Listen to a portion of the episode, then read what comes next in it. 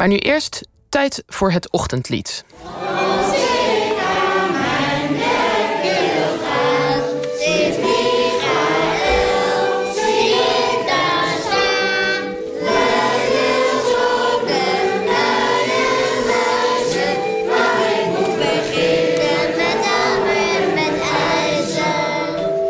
Het is de school van de bewegingskunst der eurythmie en van de kleurenleer. De school waar kinderen manden leren vlechten.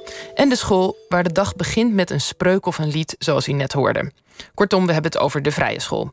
Die school, opgericht door de oervader van de antroposofie, Rudolf Steiner, bestaat dit jaar 100 jaar. En hij is populairder dan ooit. Hoe dat kan en over de oorsprong en ontwikkeling van de vrije school spreek ik vandaag met Jan Dirk Imelman, emeritus hoogleraar pedagogiek aan de Universiteit Groningen. Hij schreef in de jaren 80 de kritische analyse Hoe vrij is de vrije school, maar stuurde later ook een van zijn kinderen naar de vrije school. Goedemorgen Jan Dirk. Hallo, dag. Ja, laten we meteen naar 1919 gaan. Het jaar dat uh, Rudolf Steiner de eerste vrije school oprichtte. Hij is dan al ver in de 50 en, een van de, uh, en hij is de populaire verkondiger van zijn eigen antroposofische leer. Wat brengt hem ertoe om dan ook een school te willen oprichten? Nou, er is een aanleiding die buiten hem ligt. Uh, kijk, de, de oorzaak is dat hij al jarenlang in allerlei lezingen een complete pedagogiek voor het onderwijs had ontwikkeld. Maar er was een, eh, een, een meneer voor nodig, Emiel Molt heette... de directeur van de sigaretfabriek... die um, hem al lange tijd had gevolgd... en die bereid was om geld te geven voor de stichting van een school echt bedoeld voor de kinderen van zijn arbeiders. Dat was een sociaal bewogen, maatschappelijk bewogen man... die uh, onder andere contact had met Herman Hesse en ook met Steiner dus. En hij bood Steiner gewoon aan om een Steineriaanse school... op zijn, ten behoeve van zijn arbeiderskinderen op te richten. In Stuttgart gebeurde dat. Ah ja, precies. En, en ik heb net al een paar zaken aangehaald... die mensen met de vrije school associëren. Hè? Veel dans en zang, eh, handenarbeid, creativiteit. En wat minder werken met boeken, geloof ik.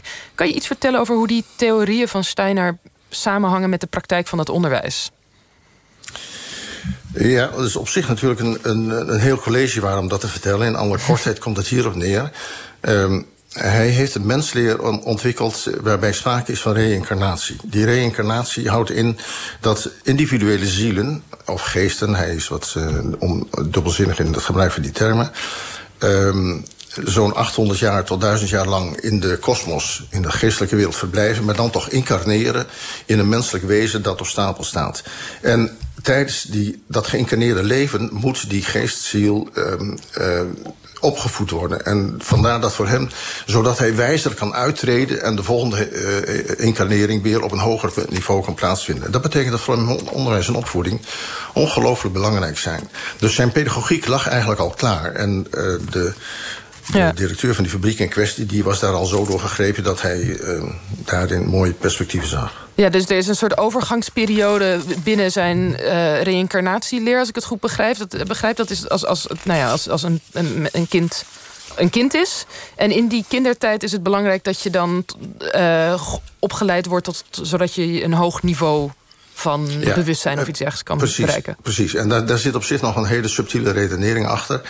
Uh, hij onderscheidt aan het, aan het zielenleven een aantal kwaliteiten. Um, en die kwaliteiten die worden successievelijk om de zeven jaar in dat kind uh, nader krijgen die vorm. Zo, is, zo treedt dus de, het, de ziel in in het aardeleven. Ja. Heeft dan zeven jaar de tijd om uh, via nabootsing een bepaalde rijpheid, rijpheid te krijgen... die bijvoorbeeld de schoolrijpheid aangeduid kan worden. En daarna volgt er weer een periode van zeven jaar... waarin met name het geheugen geoefend moet worden.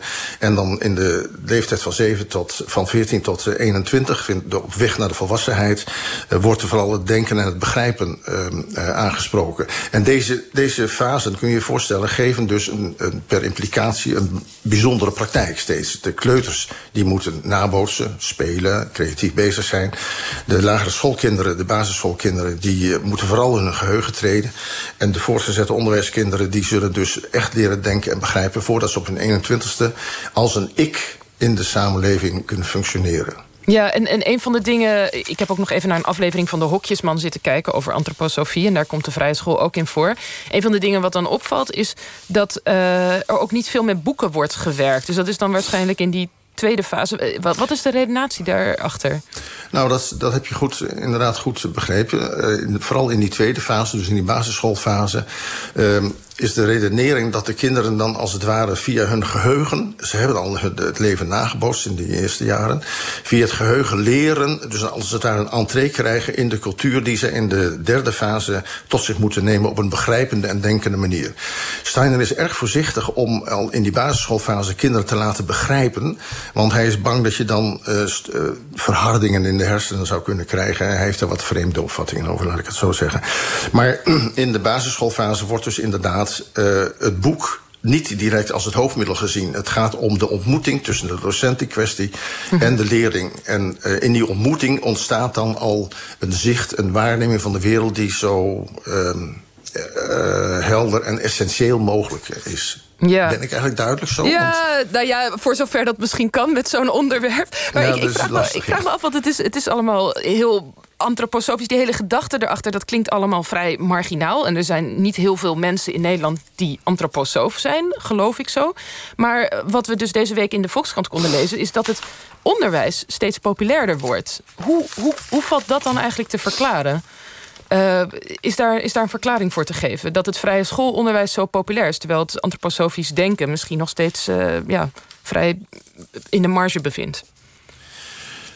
Ja, dat is eh, ook een gecompliceerde vraag, want daar kun je allerlei antwoorden bij bedenken. Iets, iets wat te maken heeft met de ontwikkelingen in de cultuur van vandaag de dag. Uh, hoe komt het nou toch dat zo'n groot publiek, of steeds groter wordend publiek, uh, bereikt wordt door het idee van de vrije school? En waar komt dat dan vandaan? Die vrije school zelf is natuurlijk op zich niet zo vreselijk veel veranderd. Die is nog steeds antroposofisch.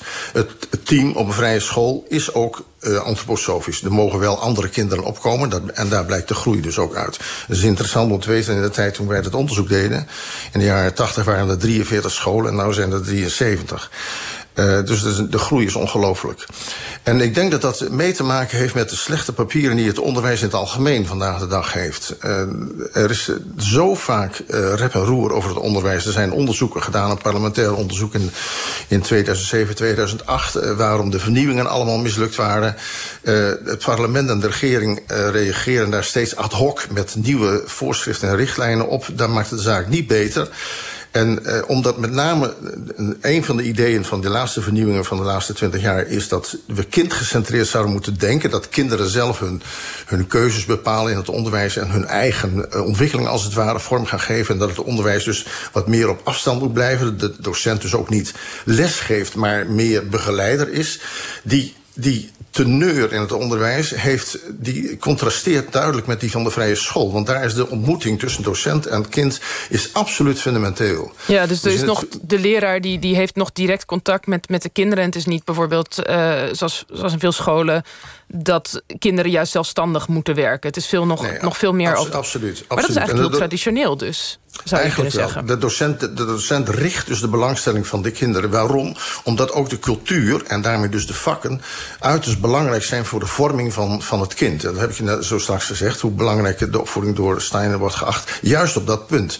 Want cultuur is natuurlijk een neerslag van, van een geestelijke ontwikkeling... van eeuwen en eeuwen her.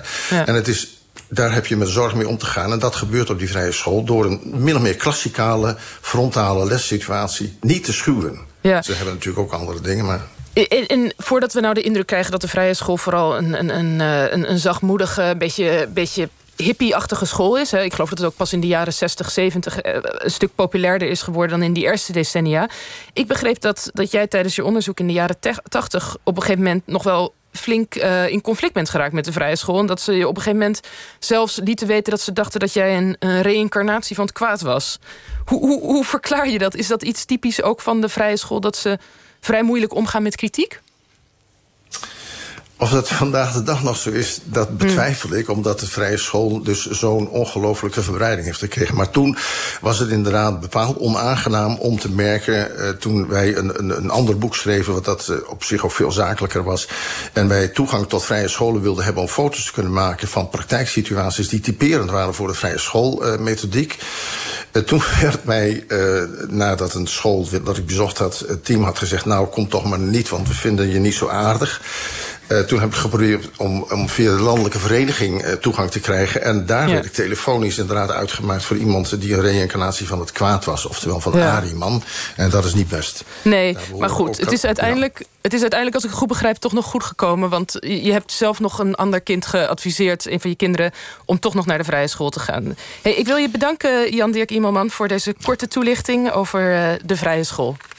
Oké, okay, tot ziens. OVT